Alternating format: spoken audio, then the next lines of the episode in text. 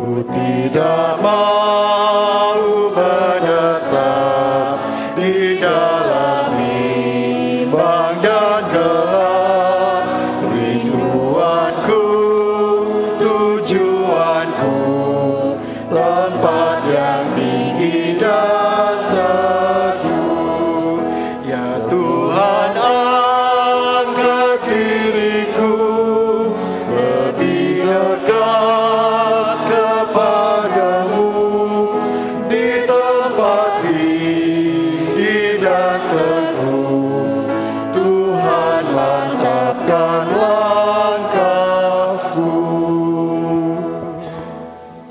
bersama berdoa, mohon bimbingan Tuhan untuk pembacaan firman Tuhan. Tiada kerinduan yang mendalam selain dekat denganmu ya Allah. Tiada tujuan yang lebih mulia selain berjalan dan berjuang bersamamu ya Allah. Dan di depan hadirat dan salibmu, kami saat ini bersujud. Kami mensyukuri keberadaan diri kami di pagi hari ini.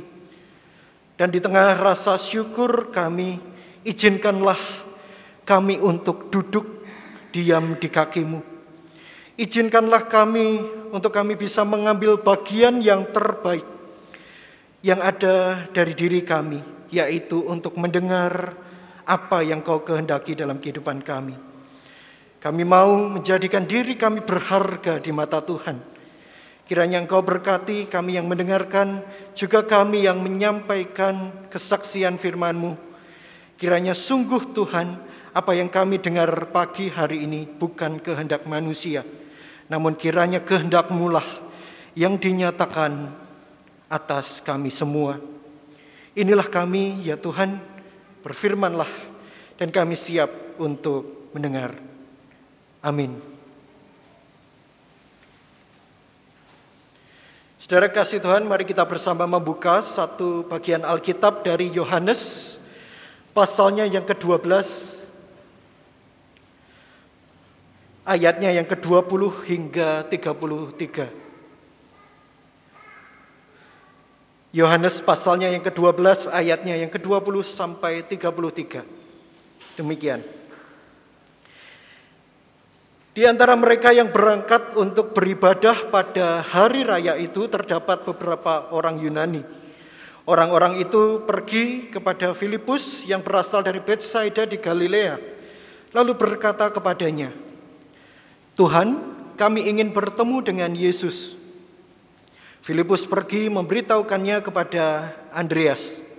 Andreas dan Filipus menyampaikannya pula kepada Yesus.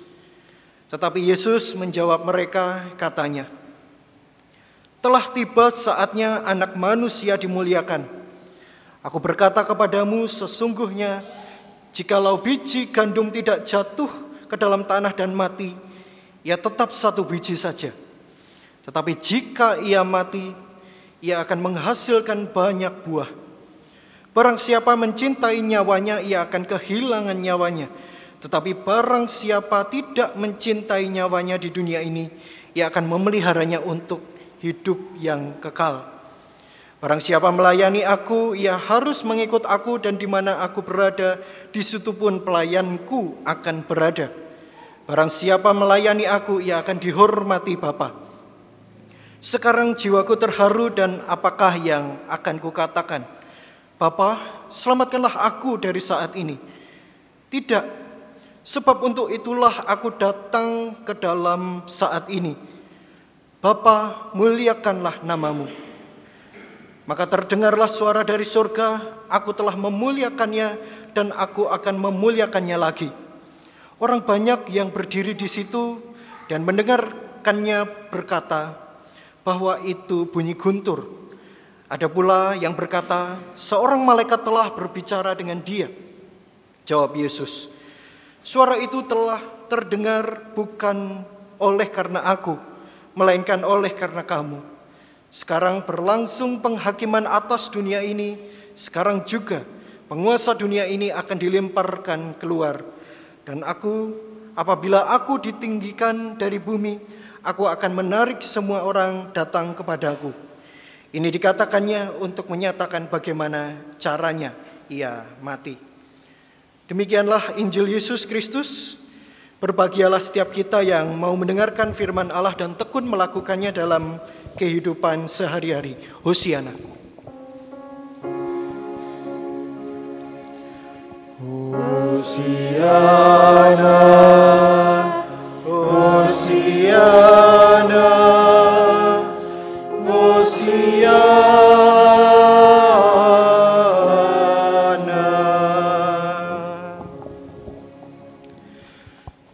Saudara kasih Tuhan, tidak banyak dari antara kita yang mau mengikuti berita yang berbau politik ya. Hanya sedikit orang yang tertarik akan hal ini. Bisa minta tolong ditampilkan? Namun sebenarnya ada peristiwa yang menarik saudara-saudara eh, ketika kita melihat berita saat ini. Ya. Eh, secara khusus eh, berita yang ada di negara Myanmar. Beberapa dari antara Bapak Ibu Saudara mungkin sedikit atau banyak mengetahui kejadian ini Saudara. Di mana di sana terjadi sebuah kudeta militer. Beberapa pemimpin resmi termasuk tokoh revolusi eh, nasional dari Myanmar yaitu yang bernama Aung San Suu Kyi ditangkap dan disandera dan kemudian digantikan oleh pemimpin militer. Akibatnya saudara-saudara banyak masyarakat ini yang turun ke jalan. Ya. Banyak dari antara yang eh, dari antara mereka yang protes menentang kudeta itu, demo besar-besaran di mana-mana di jalan-jalan. Gitu ya. Dan yang menyedihkan saudara-saudara adalah sampai awal bulan Maret yang lalu sekitar 56 orang tewas ditembak oleh aparat. Demo ini masih berlangsung hingga beberapa minggu ini, saudara-saudaraku, dan korban masih terus berjatuhan. Bahkan polisi militer ini, saudara-saudara, bukan hanya bermaksud untuk membubarkan, tetapi juga sampai masuk ke rumah-rumah masyarakat. Mereka sampai masuk ke rumah-rumah eh, orang-orang. gitu ya. Dan ada sekitar 1.790 orang yang dikurung, disandera di sebuah tempat. Banyak dari antara mereka yang hilang secara tiba-tiba, saudara. Nah, di tengah situasi yang mencekam itu, saudaraku, hadirlah seorang suster yang bernama eh, Suster Anrosa ini, biarawati. Ya, Dia seorang biarawati. Ketika banyak orang berlari-lari, saudara, menghindari kejaran polisi militer dari Myanmar, Suster Anrosa ini, saudara, juga berlari. Tetapi yang membedakan adalah dia berlari ke arah polisi, saudara. Dia berlari ke arah polisi dan bersujud dengan berlinang air mata.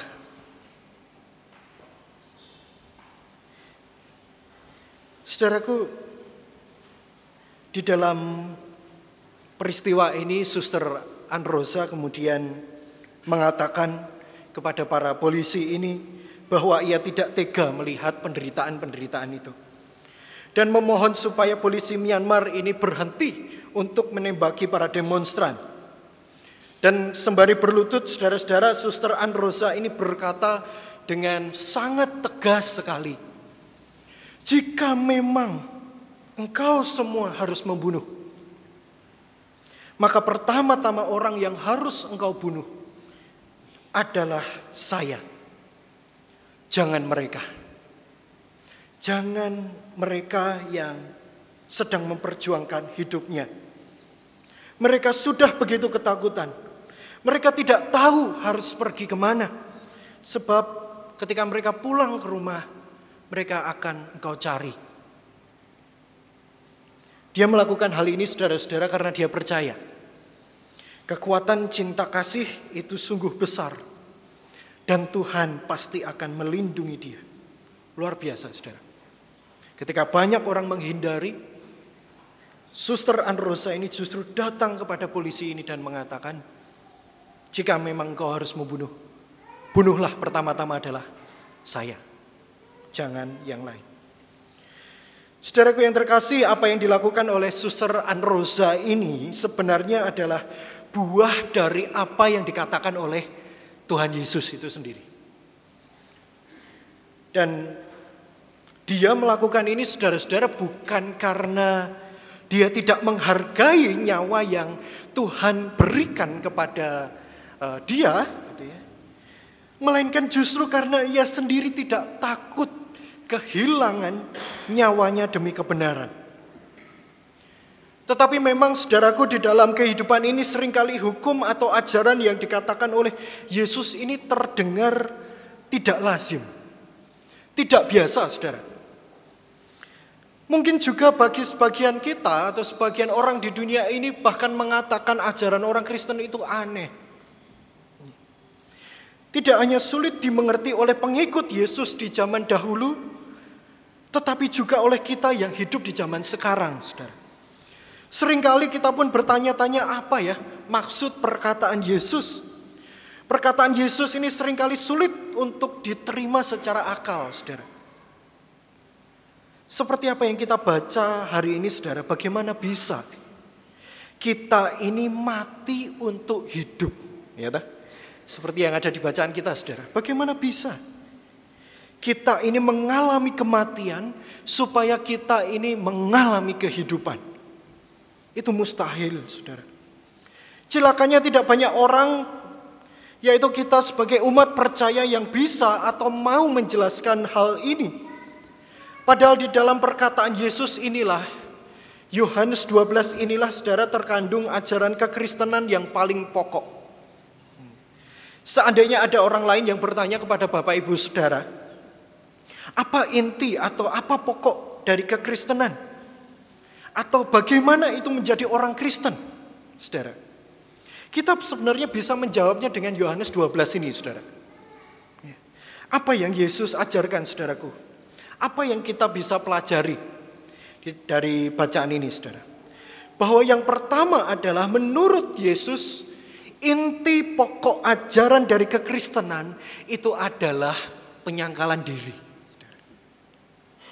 Yaitu kesediaan untuk mematikan keakuan dan pementingan dalam diri. Di sana dikatakan, saudara, Sesungguhnya jikalau biji gandum tidak jatuh ke dalam tanah dan mati, ia tetap satu biji saja. Tetapi jika ia mati, ia akan menghasilkan banyak buah. Jadi menurut Yesus, saudara-saudara, pertama-tama kita tidak boleh menjadi Kristen itu hanya karena ingin mendapatkan sesuatu. Itu yang ingin dikatakan. Seringkali menjadi orang Kristen mudah sekali kita mengatakan enak loh ya. Sebagai orang Kristen setelah kita mati kita ini masuk surga. Enak loh jadi orang Kristen dari lahir sampai mati kita ini dilayani oleh gereja. Kita dibaptis, kita menerima pengajaran, kita pernikahan, gitu ya, juga dilayani, syukuran dilayani, Sampai kedukaan pun juga dilayani, saudara. Enak. Kita diperhatikan, kita dihargai begitu rupa. Seringkali banyak orang mengatakan demikian. Saudara. Tidak heran saudara banyak orang kemudian terjebak di dalam pemikiran ini dan mudah sekali meninggalkan gereja. Ketika kita merasa tidak memperoleh apa-apa, ketika kita merasa tidak diperhatikan, kita merasa bahwa keinginan kita tidak terpenuhi, kita meninggalkannya. Itulah yang terjadi, saudara. Maka mari kita pikirkan kembali, saudara. Bila kita tidak berhati-hati, ini semua adalah pementingan diri dan keakuan. Hal inilah yang menurut Yesus pertama-tama justru harus disalibkan, saudara. Inilah hal pertama yang harus dimatikan. Memang benar saudaraku dengan menjadi Kristen kita akan memperoleh sesuatu. Bahkan memperoleh segala sesuatu. Benar saudara. Tetapi kata Yesus kita baru akan memperoleh segala sesuatu bila kita terlebih dahulu bersedia untuk kehilangan segala sesuatu. Ini ajaran Yesus, saudara. Ketika kita ingin memperoleh segala sesuatu, maka terlebih dahulu yang pertama-tama kita harus berani untuk kehilangan sesuatu. Gandum hanya akan berbuah ketika ia jatuh dan mati di dalam tanah yang gelap itu tadi. Jalan Kristus itu adalah jalan salib, saudara. Mati untuk hidup. Itu tidak bisa kita ingkari, saudara. Buang yang lama, kubur semua yang lama, baru kemudian kita dapat memulainya dengan yang baru. Itu ciri khas kekristenan. Saudara. Saya tahu saudara-saudara ada banyak dari antara kita, Bapak Ibu Saudara, juga saya, yang merasa sayang membuang uh, barang, barang-barang yang lama. Di rumah kita barangkali mungkin ada banyak barang lama kan, saudara? Dibuang sayang, begitu ya. Dibuang sayang, tetapi dipakai juga tidak, saudara. ya, di rumah kita biasanya banyak barang yang seperti itu. Atau selama masih bisa dipakai, atau kalau rusak ya ditambal, diperbaiki, begitu ya, tidak apa-apa. Kalau dalam perkara barang itu memang tidak masalah, saudaraku. Tetapi tidak untuk hidup kekristenan. Yesus tidak pernah menghendaki seorang Kristen itu melakukan apa yang namanya tambal sulam. Melakukan dosa atau kesalahan yang sama, kemudian ditambal. Dosa lagi, ditambal lagi. Tidak bisa seperti itu, saudara. Di dalam Kristus kita semua adalah ciptaan baru. Rasul Paulus mengatakan apa saudara? Barangkali Bapak Ibu ada yang masih mengingat. Kita semua adalah ciptaan baru. Yang lama telah berlalu, sesungguhnya yang baru sudah datang. Ya tak? Kita semua adalah ciptaan baru. Kalau kita mau melihat ke dalam diri kita, sebenarnya ada banyak barang-barang lama, saudara. Sifat atau karakter yang lama cara hidup atau kebiasaan yang lama. Secara khusus yang buruk, saudara. Dosa atau kesalahan yang dulu mungkin pernah kita lakukan, saudara. Itu semua harus ditinggalkan. Itu semua harus disingkirkan, ditanggalkan, saudara. Tidak bisa dibawa ke mana-mana. Dan secara tegas Yesus ini malah mengatakan sebuah prinsip penyangkalan diri dalam sesuatu yang lebih mulia, saudara. Ayatnya yang ke-24 di sana dikatakan, barang siapa mencintai nyawanya, ia akan kehilangan nyawanya. Tetapi barang siapa tidak mencintai nyawanya di dunia ini, ia akan memeliharanya untuk hidup yang kekal. Seperti yang saya katakan tadi saudara-saudara secara akal sehat, memang ini adalah prinsip ajaran yang sulit untuk kita mengerti sebagai manusia. Karena siapa dari antara kita saudara yang tidak mencintai nyawanya? Tentu dari antara kita semua pasti mencintai nyawa kita, bukan? Tetapi apa yang dikatakan Yesus ini adalah sebuah pengingat bagi kita, saudara-saudara. Sebab di dunia ini banyak orang yang terlalu mencintai nyawanya. Ada banyak orang yang terlalu mencintai hidupnya sedemikian rupa sehingga yang terjadi adalah ia akan berusaha melakukan apa pun supaya ia memperoleh hidup. Itu yang ingin Yesus katakan. Di dunia ini banyak orang rela atau bersedia mengorbankan dan bahkan berbuat apa saja. Pokok asal dia itu bisa hidup, saudara. Ya kan? Apalagi kalau kita ini ingin hidup enak, saudara. Wah apalagi, mati-matian kita mengejar hidup yang enak itu seperti apa. Moral tidak penting lagi. Prinsip itu menjadi tidak penting lagi. Iman keyakinan tidak penting lagi. Hati nurani juga tidak penting lagi. Yang penting adalah saya hidup enak dan saya sukses. Itu yang dunia ajarkan. Karena ketika kita ingin memperoleh kehidupan itu, maka kita pun akan berfokus mati-matian saudara untuk mengejar sesuatu yang menunjang kehidupan kita itu bukan?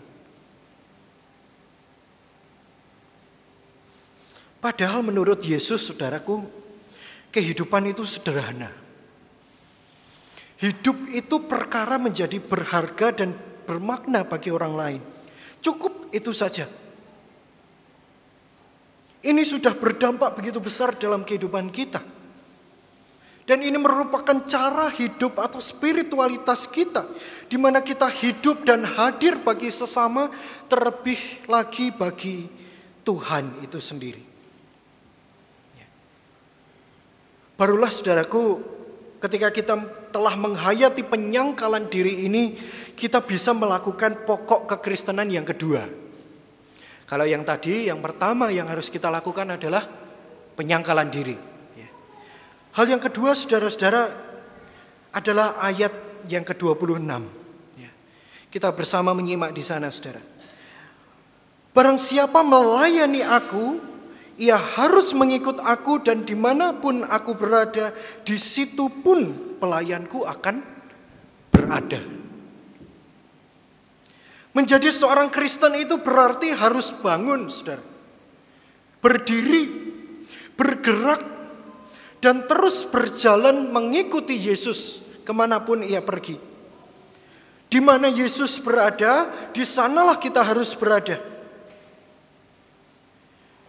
Salah paham yang sering kali terjadi adalah justru yang terjadi dalam kehidupan kita itu sebaliknya, saudara.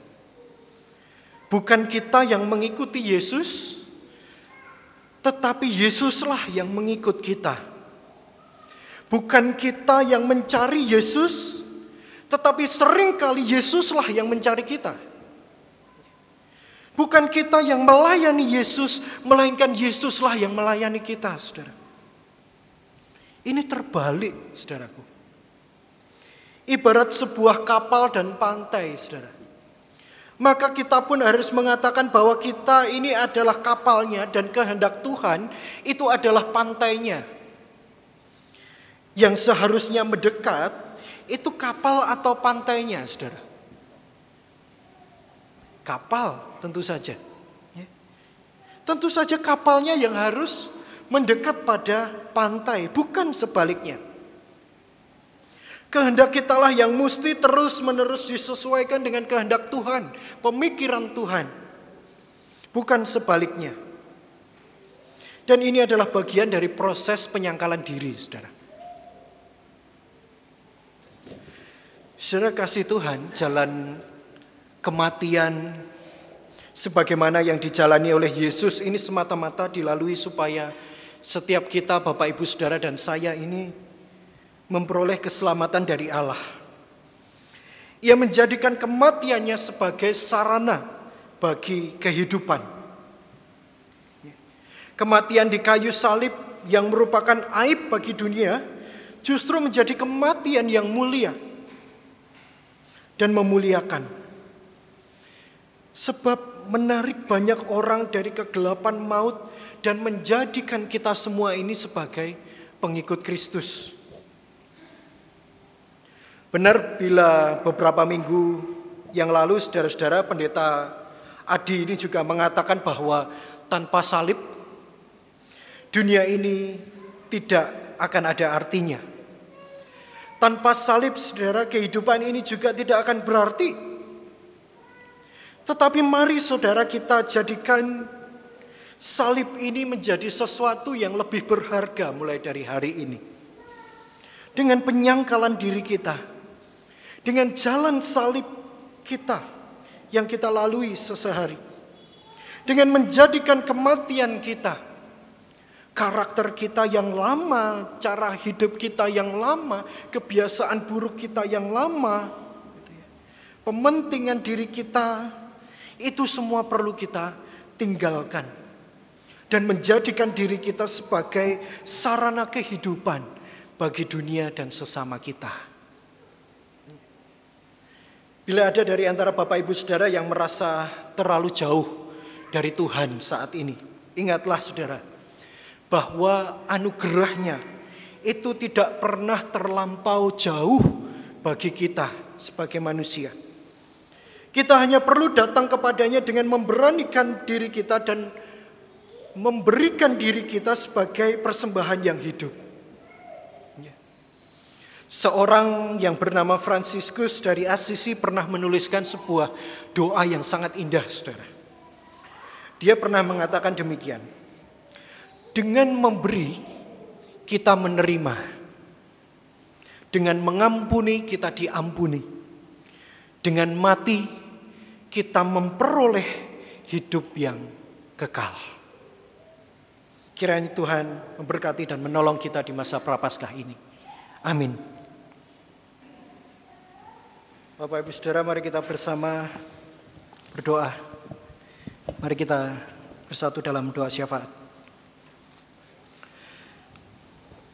Ya Tuhan, terima kasih firman Tuhan telah mengingatkan kami untuk kami hidup mengikuti jalan kemuliaan Kristus. Kami tahu bahwa kami hidup di dalam dunia yang sering kali menginginkan kami untuk menjadi orang-orang yang memiliki segalanya. Tolong kami ya Tuhan, supaya kami tidak menempuh jalan itu, tapi menempuh jalan kemuliaan Tuhan. Tolong kami supaya kami bisa belajar makin hari makin hidup di dalam penyangkalan diri dan berkorban demi kepentingan Tuhan juga sesama kami. Saat ini kami juga berdoa bagi orang tua yang sibuk mengurus dan merawat anak-anak mereka. Juga bagi orang tua yang sedang membimbing anak-anaknya bersekolah di masa pandemi ini. Berikanlah mereka kemampuan dan semangat untuk terus menempuh jalan pengorbanan itu. Kami berdoa bagi saudara-saudara kami yang terus berkorban bagi orang yang dikasihinya Bahkan terkadang ketika mereka melakukan tanpa ucapan terima kasih. Tolong mereka supaya mereka tidak putus asa di dalam menempuh jalan pengorbanan itu. Kami berdoa bagi mereka yang sakit, baik itu di rumah sakit atau sedang dirawat di rumah masing-masing. Atau bagi kami yang saat ini datang namun dalam kondisi kesehatan yang kurang fit juga untuk mereka semua yang sedang mengalami berbagai pergumulan di dalam hidupnya. Berikanlah mereka kekuatan untuk menanggung baik itu sakit penyakit maupun penderitaan itu.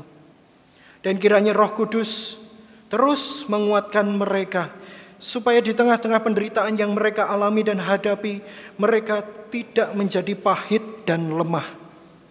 Kami percaya bahwa dalam kemurahan Tuhan kuasa Tuhan bekerja atas kami semua.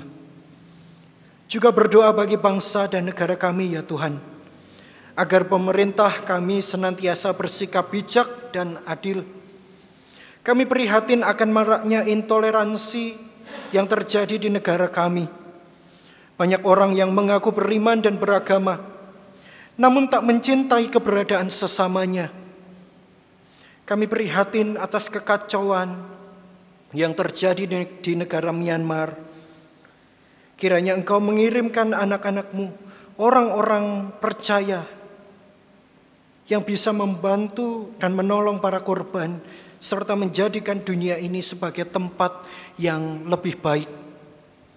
Dan kerajaan Allah pun akan semakin nyata di tengah dunia ini. Ya Tuhan Allah Bapa kami, inilah setiap doa syafaat kami, sempurnakanlah doa kami Tuhan dengan doa yang Tuhan Yesus ajarkan kepada kami. Bapa kami yang dari surga, dikuduskanlah namamu, datanglah kerajaan, jadilah kehendakmu di bumi seperti di surga. Berikanlah kami pada hari ini makanan kami yang secukupnya, dan ampunilah kami kesalahan kami, seperti kami juga mengampuni orang yang bersalah pada kami dan janganlah bawa kami dalam percobaan, tapi lepaskanlah kami dari. Karena engkau lah yang punya kerajaan, kuasa dan kemuliaan sampai selama-lamanya.